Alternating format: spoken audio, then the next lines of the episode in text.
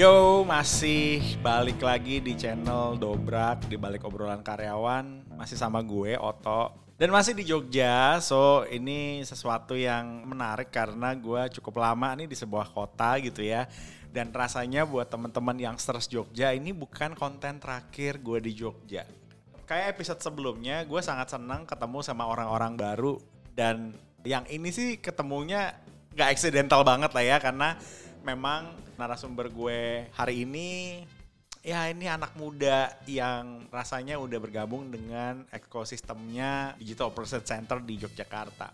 Sebelum kita mulai ada beberapa fun fact nih karena tamu gue hari ini tuh anak muda banget yang selisih umurnya sama gue tuh kayak cuma beda lima tahun sih sebenarnya gitu ya. Iya gak sih? Iya, ini aja. yes, gila gue berasa muda banget di Jogja ya guys. Ada beberapa fakta dulu nih mengenai anak muda gitu ya teman-teman sadar nggak bahwa yang namanya millennials di Indonesia berdasarkan data Bappenas itu ada 63 juta, termasuk saya. saya masih sangat millennials, tapi itu bener loh. Yaitu penduduk usia 20 sampai 35 tahun. Kalau dari survei Bappenas gitu ya, yang dibilang milenial. So, saya masih milenial. Yes. Berikutnya bukan cuma di dunia atau di Indonesia, di Astra sendiri sebenarnya 70% karyawannya sekarang sudah millennials gitu ya. Dan kemudian ada beberapa fakta yang menarik juga berdasarkan sebuah survei dari IDN Times 91% millennials cenderung menyukai pekerjaan yang bebas beraktivitas. Itu kerja gak sih kalau bebas? Kayak pengen makan kapan pun, berenang tiba-tiba ya. Terus 83% itu menyukai yang gak terikat ya 82% nyukai kerja dengan tim. Jadi yang suka kerja sendiri tuh dikit juga ya. Dan 65% nyukai bekerja dari coffee shop. Tani bekerja di coffee shop atau bekerja dari coffee shop ya? Jangan kayak barista kan bekerjanya dari coffee shop juga ya. Hari ini kita akan kedatangan tamu yang ini sih harusnya millennials ya, belum Gen Z ya. Karena kalau udah Gen Z itu lebih seru lagi nanti obrolan berikutnya ya. Tamu kita pagi ini masih sangat muda tapi punya beberapa pengalaman yang menarik gitu ya. Dan hari ini bergabung di Digital Pro Center ACC sebagai salah satu mitra atau freelancers yang kayaknya sih kalau dilihat dari semangatnya tuh semangat banget karena teman-teman tahu kita minta tag podcast 7.30 pagi dia udah datang jam 7. Baiklah, kalau gitu siapa nih tamu kita yang semangat banget pagi ini? Boleh silakan kenalin dirinya. Halo semuanya, perkenalkan Aku Clara Frida, biasanya dipanggil Frida. Aku usianya 23 tahun, baru aja lulus dari S1 jurusannya manajemen.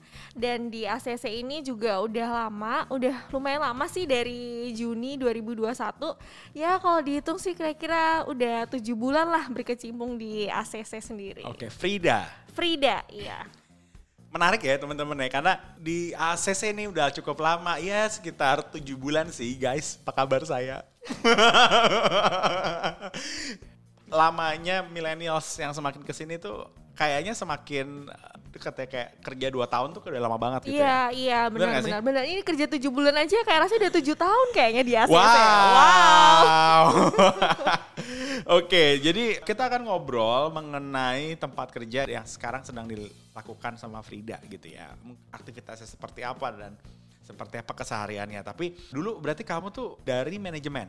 Iya dari manajemen, jurusannya juga marketing, jadi manajemen pemasaran hmm. dan skripsinya juga mengenai pemasaran sebuah produk, produk makeup gitu. Hmm. Nah maka dari itu kan coba-coba nih ACC, oh ternyata telemarketing, oh nggak jauh-jauh nih dari jurusanku kan, sama-sama dari marketing gitu. Yes. Uh, jadi ya coba aja di ACC, ya udah bertahan sampai sekarang.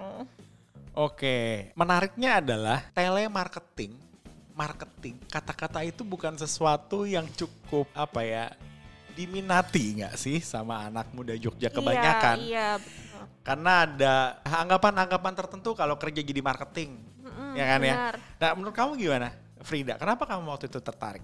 Gini, sebenarnya awal yang tertarik juga bukan dilihat dari telemarketingnya, hmm. karena butuh duit gitu ya. Wah, inilah anak muda yang sebenarnya. Yes, yes, Karena yes, yes, butuh duit, uh. jadi ya udah ya udahlah daftarlah itu di ACC. Nah ternyata keterimanya di telemarketing. Hmm. Oh ya udah nih kayaknya mau udah rezekiku nih di telemarketing kan Iya. kayaknya juga ada basic marketing juga gitu Hmm. jadi ya udah nggak ada salahnya nyoba di ACC sendiri nah ternyata juga bener sih marketing itu nggak jauh-jauh sama target gitu ya kak ya Ya. gimana kita tiap hari juga ada target call-nya mungkin juga ada target warm leads-nya di mana kita harus benar-benar customer nih sampai benar-benar mau nih sama apa yang kita tawarkan gitu Oke. Sejauh ini kamu udah kerja tujuh bulan menghasilkan berapa valid? Tidak. Kalau validnya sih udah kurang lebih dua valid ya kak. Heeh. Karena kan aku tuh sebenarnya ada kesibukan lain juga. Jadi Wow. ngambil ngambil slotnya tuh juga nggak full. Jadi misalnya nanti di satu periode hanya ambil 8 slot gitu. Oh, nah ini sebelum kita ngomongin target ya, karena buat aku mendapatkan aplikasi valid di telemarketing juga nggak semudah itu ya. Kamu dapat dua menurutku oke, just good gitu ya. Dengan pekerjaan yang sebenarnya juga kamu nggak di sini terus gitu ya. Kamu ya kamu namanya juga freelancers ya. Iya. Nah, aku mau coba dalamin dulu ter- terkait dengan freelancersnya gitu. Di sini kan datanya bilang tadi bahwa anak muda itu sangat suka kerja bebas, ya nggak terikat waktu, nggak terikat tempat dan Iya. seterusnya. Berlaku nggak di Yogyakarta dan di diri kamu atau di teman-teman sekitar kamu gitu, menurut kamu sendiri? Oke, kayaknya mulai dari saya lihat dari teman-teman dulu kali ya. Boleh. nggak cuma di Jogja aja gitu. Kita kita ini pengennya yang bebas gitu. Jadi nggak terlalu nggak melulu di kantor, duduk, diam, terus nanti jari jam 9, 8 to 5 gitu pulang, terus nanti bangun pagi lagi kayak gitu lagi gitu. Mm-mm. Mungkin kayak kita kurang suka adrenalinnya gitu, kurang ada tantangan. Oh, oke. Iya, jadi kalau misalnya saya lihat juga kan banyak banget kafe apalagi di Iya. Jogja gitu. Iya. Nah, jadi mereka ini jadi barista juga, tapi di luar juga mereka freelance misalnya fotografer atau videografer gitu. Jadi kalau misalnya saya lihat sih saya pahami juga teman-teman saya itu lebih suka bergerak bebas gitu. Kerja pun juga bebas, jadi mereka bisa mengutarakan idenya juga dengan bebas. Tapi itu menarik sih karena gini, pemahaman kita yang umum biasanya adalah freelancers lebih menyenangkan dengan kondisi bisa ngatur waktu tertentu itu adalah sisi menyenangkannya, positive sides-nya gitu ya. Tapi sebenarnya ada challenge juga karena kalau dengar dari cerita kamu jadinya freelancers ini jadi lebih capek ya. Iya pastinya lebih capek juga nggak netep gitu kan kan Iya. namanya freelancer jadi nunggu-nunggu aja nih kerjaan ada dari kerjaan dari A kerjaan Hmm. dari B gitu emang kalau capek lebih capek tapi tetap cuannya juga pastinya lebih banyak Cuannya lebih banyak karena Iya. kamu bisa kerja dari satu tempat ke Iya, tempat lain betul. gitu ya. Dan sangat bisa ngatur nih ketika lagi butuh sesuatu yang aduh udah pasti dapat kamu akan banyak ambil di tempat yang mungkin sudah eh, Iya, jelas itu per dia. harinya dibayar berapa gitu iya ya. betul betul Bener ya, tapi kalau Benar. misalnya lagi "Ah, udah lagi santai kita ambil yang kerjaan lebih relax tapi nanti based on apa yang kita hasilkan iya, gitu ya. benar, benar. Justru generasi kita juga oh, mungkin time managementnya lebih ditantang gitu ya. Iya. Di mana kan kita nggak cuma kerja di satu lingkungan aja, tapi kita juga ke lingkungan lain. Di mana kita juga nggak hanya belajar memanage waktu, tapi kita juga harus bisa beradaptasi. Karena kan ketemunya juga pasti orangnya beda-beda gitu. Yes, yes itu poin yang menarik karena kita yang kerja 8 to 5 mungkin ketemu orang ya itu-itu aja ya. Iya, iya. Tapi kamu tuh bisa ketemu orang dari company A, company B, klien iya A, benar. klien B. Iya nanti pagi sampai siang ketemu sama klien A, nanti siang sampai sore ketemu klien B, nanti malamnya nongkrong jangan lupa. Nongkrong ya Iya, kan, jangan lupa nongkrong ya. Tetap bisa nongkrong Tetap bisa nongkrong juga ya. Jadi Iya. jadi itu sebenarnya relate banget sama anak muda. Meskipun kita sama-sama mi- millennials gitu ya, di generasiku mungkin masih lebih banyak yang ingin bekerja dengan konsisten dan Iya. safely secure gitu loh.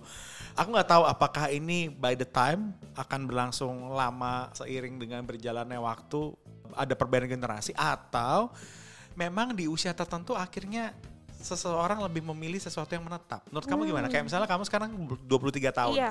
Mungkin di usia tertentu kamu akan memilih sesuatu yang lebih menetap atau menurut kamu kayak Iya. enggak deh kayaknya nanti mung- bahkan setelah aku berumah tangga pun kayaknya bisa tetap jadi freelancer Iya. deh atau gimana menurut kamu? Setuju banget sih sebenarnya, iya betul Hmm. tadi. Jadi bukan generasi milenial gitu, sukanya yang ke mana-mana. Betul. Betul, nanti pasti kita ada waktunya di mana kita capek. Karena kan ya manusia tetap ada capeknya kan. Setuju, setuju. Tetap kita butuh yang pasti, pasti nantinya. Apalagi kalau udah berkeluarga gitu, kayak gue nggak bisa nih kalau misalnya pagi siang ke sini, siang sore ke sini, malamnya cabut gitu. Yes. Tetap tetap harus kita mau cari yang pasti-pasti aja. Waktu dengan keluarga juga pasti, waktu dengan diri sendiri juga pasti, dapat duitnya juga pasti. Pasti, itu yang paling penting ya. Penting banget. Tapi tapi itu bener sih setuju sih, karena relate banget sama aku juga gitu. Karena aku dulu kayak tadi kita udah ngobrol sebelumnya ya, Iya. aku tadinya kan ngambil dua job kan di awal karir kayak kerja di kantor iya, tapi ya Jumat Sabtu kadang main musik gitu ya, kayak di mana-mana. Setelah lama di usia tertentu tuh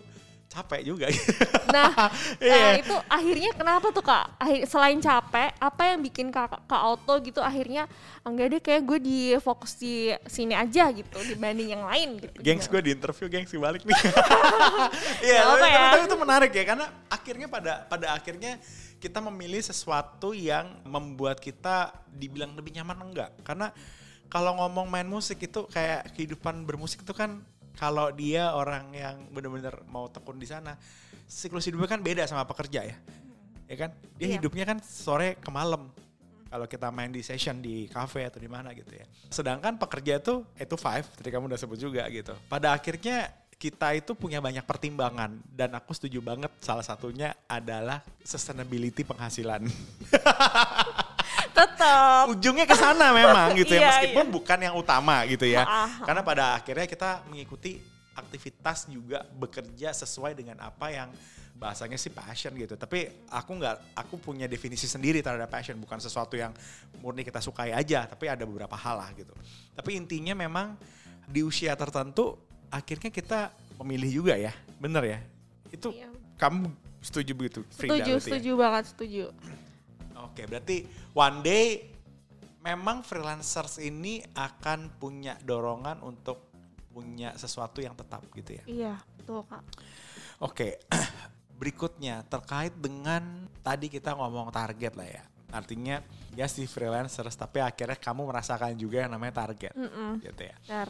Dan jadi seorang marketing, jadi seorang sales, jadi business development namanya udah semakin dibikin keren gitu kan.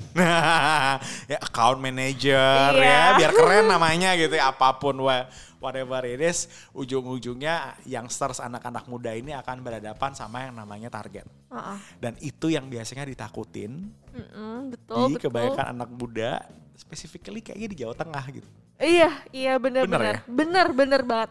Apalagi kan kita sebenarnya orang Jawa itu ya udah yang penting jalan aja gitu kan. Itu tuh benar-benar prinsipnya orang Jawa banget, nggak yang harus gue harus ini, gue harus itu gitu.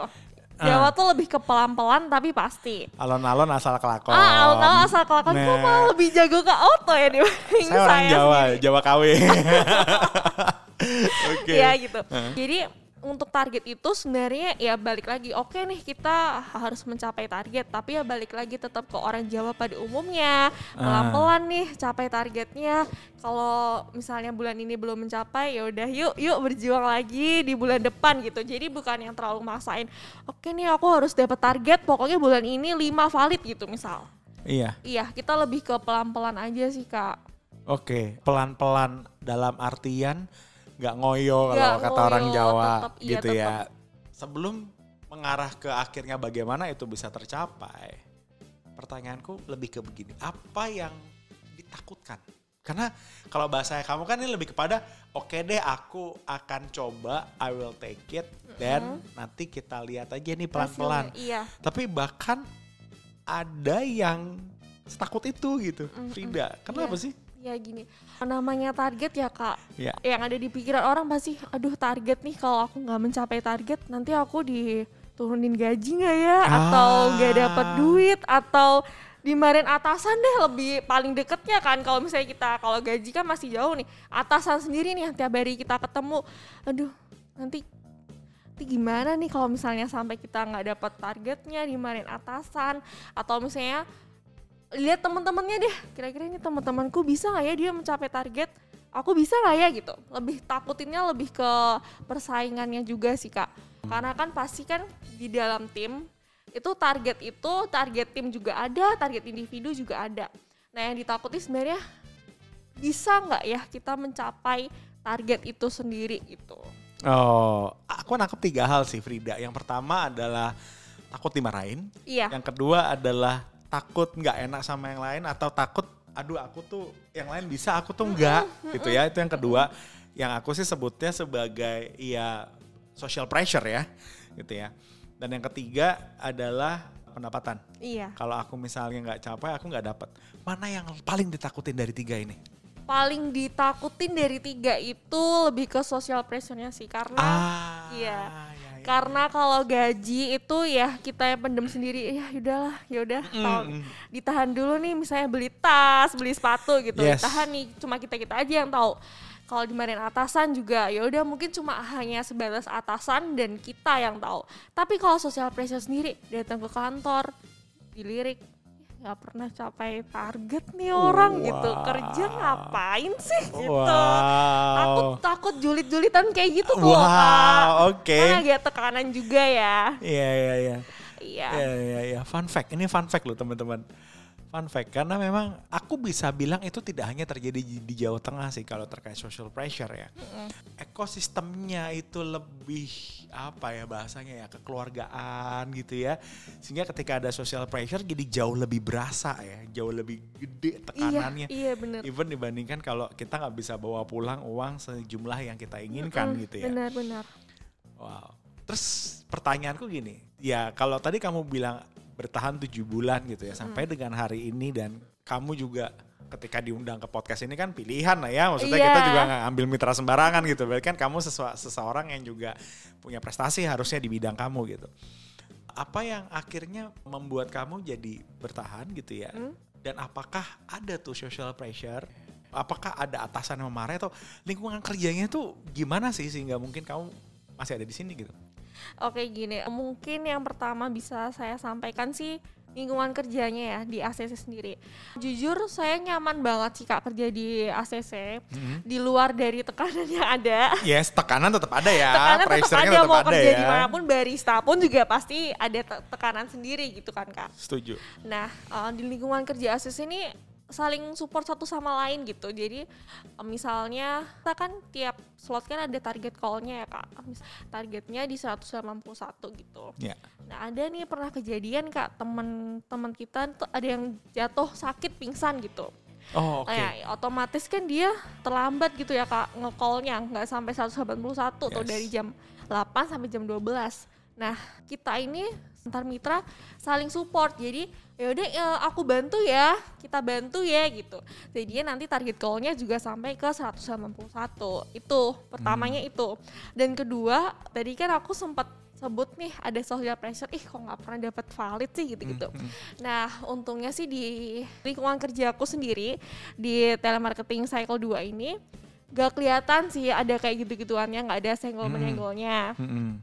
Ya nggak tahu mungkin karena kita masih freelance, jadi nggak yang dianggap terlalu berat atau gimana gitu kan kak. Yes. Mm-mm, itu. Selain itu juga cuannya lumayan loh guys. Lumayan ya. lumayan banget jadi Eh. benar-benar ini pekerjaan yang memang belum tetap sih Hmm. tapi benar membantu kita banget gitu apalagi kita masih anak muda masih suka hahaha itu benar-benar bisa kepake banget tuh uangnya bisa buat nabung juga loh kak Bisa jangan buat- salah jangan salah Bisa nabung ya? Iya apalagi hidup di Jogja kan ya apa-apa serba murah nasi ayam cuma sepuluh ribu gitu kan Wow.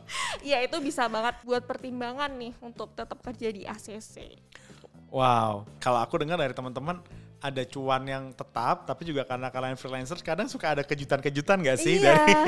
kayak akhir tahun kemarin kan ada undian iya, lah, ada, undian, apa. Bener banget. Lumayan loh lagi dua ratus ribu tuh kayak di kantor mana coba dapat undian dua ratus ribu tuh lumayan sih bagi kita yang masih nggak tetap juga ya bukan karyawan Yes. tetap gitu. Dan itu kayak undian yang datang sewaktu-waktu gitu ya. iya, benar. Iya. nggak cuma itu kak. Ya. Jadi kita tuh ada gimmick juga kan. Kalau misalnya nyelesain misalnya 181 call, nanti dihitung tuh per callnya dapat 200 rupiah. Jadi lumayan banget itu kalau sehari di luar gaji kita kita juga dapat gimmick juga gitu. Yes, jadi memang sangat diperhitungkan ya. Artinya Iya. gini, secara cuan aman, secara lingkungan aman. Bener banget. Pokoknya ya. dua-duanya aman banget deh yang bikin aku bertahan di ACC itu karena dua faktor utama itu.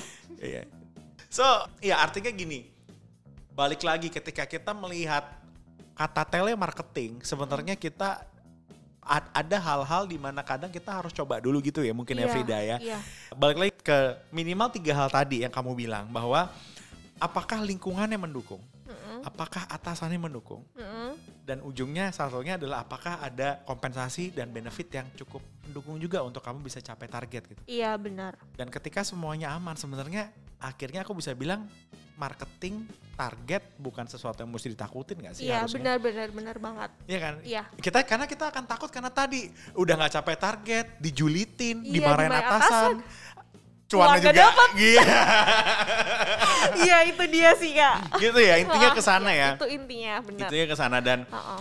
buat aku itu sudah sangat sangat bisa melegakan sih karena eh, ini kita tuh kayak baru dapet tor pagi ini gak sih? Kayak kamu aja baru belum baca tornya gitu. Iya ya. belum. Aku sangat-sangat takut karena ini pertanyaan yang sangat sensitif about target untuk anak muda di Jogja. Tapi thank you banget ini aku dapat sesuatu yang sangat-sangat insightful sih karena dari anak muda. Ini bukan sesuatu yang aku paksakan ya bahwa kamu harus jawab gini atau gimana gitu ya. Tapi apa yang kamu alami sebenarnya kita juga sangat berharap dialami sama banyak anak muda di Jogja. Iya. Iya. Ya nggak sih karena kesempatan ini gimana menurut kamu? Kamu kamu boleh deh sekarang mungkin di di akhir episode ini aku minta kamu untuk boleh cerita atau bo- boleh mengajak ya atau anak-anak muda di Jogja untuk mengalami experience seperti kamu. Iya. Silakan Frida. Oke, gini ya guys. Gak munafik sih, pasti kita anak muda itu juga pengen berkembang, gak cuma dengan passion kita yang itu-itu aja atau mungkin untuk umur-umur kita sekarang ini, umur 20 ke atas itu kan udah masuk quarter life crisis. Yes. Di mana kita pengen banget ada dianggap sama orang-orang gitu, oh oke nih gue bisa mencapai sesuatu dengan usaha dan kerja keras gue sendiri gitu misalnya. Yes.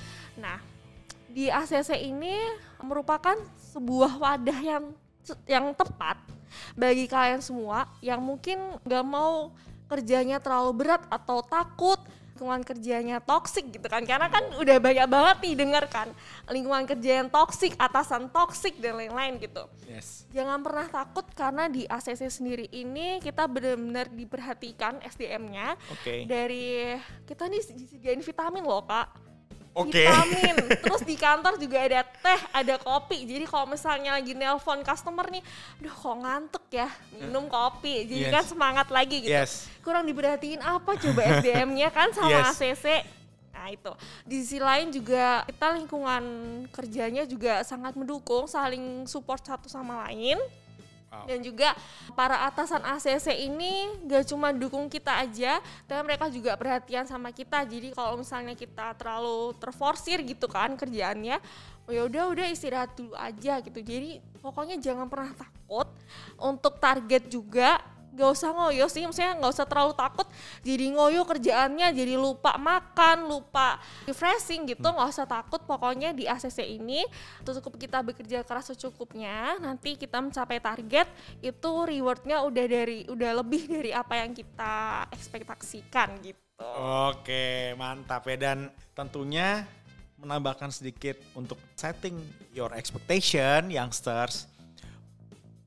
Lo mau kerja di mana pun itu selalu ada yang namanya pressure. Iya. Gak mungkin kita kerja tanpa stres. Betul ya, karena stres itu ada dua yang bisa membunuh dan yang sebenarnya bisa membuat kita makin produktif. Mm-mm, Ya betul. kan? Jadi pasti tetap ada itunya, tapi seperti kata Frida tadi, aku benar-benar dapat testimoni bagaimana kamu didukung sama lingkungan kerja dan atasan dan itu sesuatu yang rasanya mungkin bisa jadi poin plus buat para youngsters yang mau belajar. Iya, benar. Ya siapa tahu nanti ada Frida-Frida lain nih yang benar-benar merasakan seperti apa keunggulan dan manfaat ketika jadi mitra di DOC ACC Iya, gitu betul. ya. So, youngsters rasanya udah cukup padat ya. Insights-nya sudah dapat dari apa yang sebenarnya kita inginkan. Yang mungkin buat teman-teman yang di Jogja nih terutama ya yang udah dapet teaser dari beberapa beberapa episode sebelumnya dari yang magang di DOC, dari para mentornya, human capitalnya gitu ya. Dan sekarang bener-bener real dari mitranya, dari freelancernya. Buat teman-teman yang mau join, yang mau bergabung dan lain-lain, silahkan pantengin terus Lens ACC gitu ya. Terus teman-teman juga kalau ben- kalau pengen lihat dulu kantornya kayak apa, pengen datang dan lain-lain, silahkan kantor kita ada di Jalan Petung nomor 7. Nomor 3 ya. Lupa. Pokoknya kita di seberangnya Instiper gitu Iya. ya. Nanti ini, ini adalah kantor sementara karena nanti kita akan punya kantor yang lebih besar lagi. Yang kayak hotel itu kan. Yang kayak hotel itu. yang semua orang kira itu hotel. Hotel, iya benar. Iya, yang kayak hotel itu. So, ditambah satu lagi ya, tadi udah atasan ker- atasannya oke, lingkungannya nyaman, cuannya Cuan ada, oke, tempat kantornya. kerjanya keren. Kurang apa lagi coba ACV. Kantornya keren ya kan. So teman-teman boleh nanti kalau mau lihat-lihat dulu dan lain-lain bisa ketemu dengan HC-nya ACC. Teman-teman juga bisa pantengin episode sebelumnya bersama dengan Kak, Te- Kak Tea dan Kak Vita untuk dapetin informasi-informasi kalau teman-teman mau bergabung bersama DOC-nya ACC. So, rasanya itu aja. Thank you banget Frida untuk waktunya. Ini aku aku makan setengah jam waktu kamu. Kamu nyampe ke kantor berarti nanti jam 9. Ya mudah-mudahan dapat 180 Tenang, tenang. Teman-teman kan support semua. semua semua Iya. support ya gitu ya. Salam untuk Ferry ya karena Iya. dia oke banget sih jadi leader memang ya. So thank you sekali lagi Frida. Mudah-mudahan kita bisa ketemu lagi dan kita akan tutup episode kali ini. Mudah-mudahan kita nanti bisa ketemu di episode-episode berikutnya di Jogja. Keep kasih kami saran mengenai apa yang harus kami obrolin di channel ini supaya bisa beri manfaat buat anak-anak muda di Indonesia. So, thank you. Gue Otto. Gue Frida. See you on next episode. Bye.